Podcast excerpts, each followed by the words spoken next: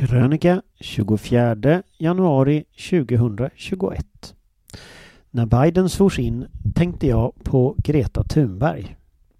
Han är 60 år äldre men lever i samma verklighet.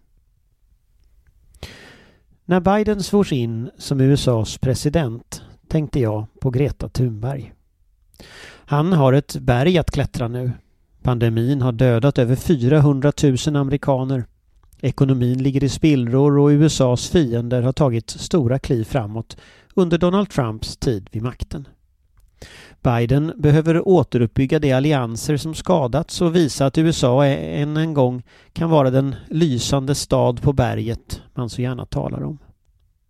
Ceremonin hölls på samma Kapitolium där Trump misslyckade statskupp utspelade sig inför världens ögon.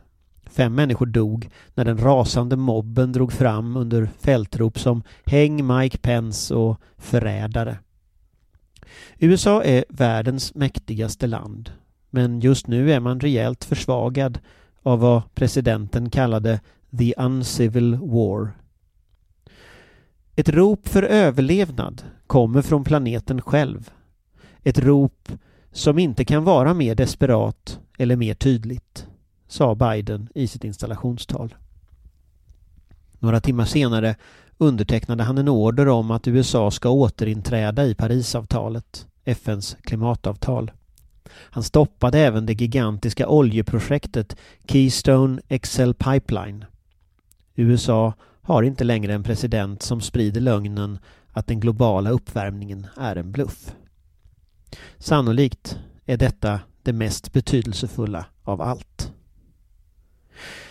Det blev Greta Thunberg och hennes rörelse av miljoner aktivister, de flesta ungdomar, som tog hem segern. Skolstrejkerna, den globala uppmärksamheten och demonstrationerna i Fridays for Future bidrog till att rita om den politiska kartan och driva klimatfrågan högt upp, högst upp på Demokraternas och Joe Bidens politiska dagordning. Det är inget litet dagsverke. Greta Thunberg var inte ensam. Det är man aldrig i en folkrörelse. Men hon visade vad en röst kan betyda. Och nu har USA en president som gått till val på det mest radikala klimatpolitiska programmet i landets historia. Det är sannolikt inte tillräckligt. Men vindkantringen är dramatisk. Joe Biden vill i varje fall att mänskligheten ska överleva. Så 2021 är inte bara mörker. Här hemma har Greta Thunberg fått ett eget Sverigefrimärke. Det är målat av illustratören Henning Trollbäck och föreställer Greta i sin numera ikoniska gula regnjacka. Hon står på en klippa och hennes fläta står rakt ut i vinden på ett sätt som för tankarna till Pippi Långstrump. Motiven på frimärken ska spegla vår samtid, där miljöfrågan har varit aktuell och närvarande under många år, inte minst genom Greta Thunbergs starka röst, skriver Postnord i ett pressmeddelande. Donald Trump har varit en katastrof för miljön. Han valdes i november 2016 samtidigt som Parisavtalet trädde i kraft och världen högtidligt lovade att försöka begränsa den globala temperaturökningen till under 2 Redan 2017 aviserade han att USA skulle lämna avtalet och han gjorde allt för att slå sönder den federala regeringens miljöarbete. Han tillsatte klimatförnekaren Scott Pruitt att leda den amerikanska miljömyndigheten EPA och han skar ner budgeten. När Pruitt avgick, igen av alla nu bortglömda korruptionsskandaler, ersattes han av den likasinnade Andrew R. Wheeler. Det blev inte riktigt fyra förlorade år. Många delstater struntade i Trumps politik. Men tyvärr fördröjdes omställningen på ett sätt vi inte har råd med. Hela 15 av de 16 varmaste åren sedan mätningarna startade 1880 har inträffat sedan 2001. I början av pandemin kunde man ofta se nyheter om att det skulle ha en positiv effekt på klimatet. Att transporter och industriutsläpp nu skulle minska. Men halterna av växthusgaser i atmosfären blev rekordhöga under 2020. Tyvärr är det uppenbart att tillfälliga utsläppsminskningar inte räcker. Dessutom har forskarna tyvärr konstaterat att redan 2 procents ökning av temperaturen kommer att få allvarligare konsekvenser än vi tidigare vetat. Gränsen bör ligga på 1,5 procent. Lite är det som med pandemin. Vi visste att en pandemi skulle komma. Vetenskapen var glasklar. Ändå planerade vi inte, byggde inte upp någon beredskap och förberedde oss inte mentalt. Först när katastrofen var ett faktum stod vi där i kopkön med toalettpapper och fiskbullar i ett fåfängt försök att känna någon slags kontroll över situationen. Vi borde lära oss av det. Vetenskapen är lika glasklar om klimatförändringarnas effekter.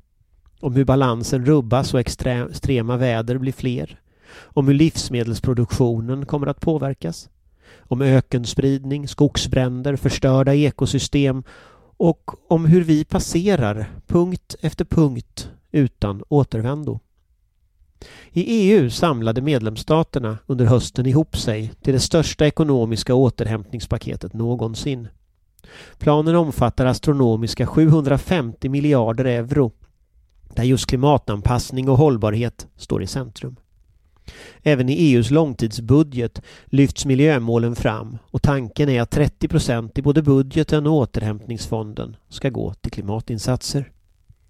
Om Joe Biden vill göra verklighet av Demokraternas valprogram så har han en mäktig allierad i Europa.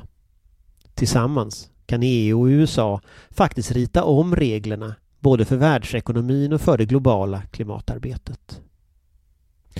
Så medan vi en gång frågade hur skulle vi kunna övervinna katastrofen? Nu säger vi hur skulle katastrofen kunna övervinna oss? Läste poeten Amanda Gorman, 22, i dikten The Hill We Climb under Bidens installation. Hon skrev dikten efter stormningen av Kapitolium och man kan lugnt säga att hon stal showen i onsdags. Joe Biden må vara 56 år äldre än Amanda Gorman och 60 år äldre än Greta Thunberg. Men att döma av vad han säger verkar han leva i samma verklighet som de gör. Jag kanske är krockskadad av de senaste årens dårskap från Vita huset och har möjligen sänkt förväntningarna lite väl mycket. Men just nu tycker jag det ser ut som att USAs nya president faktiskt menar det han säger. Och det är ändå en början.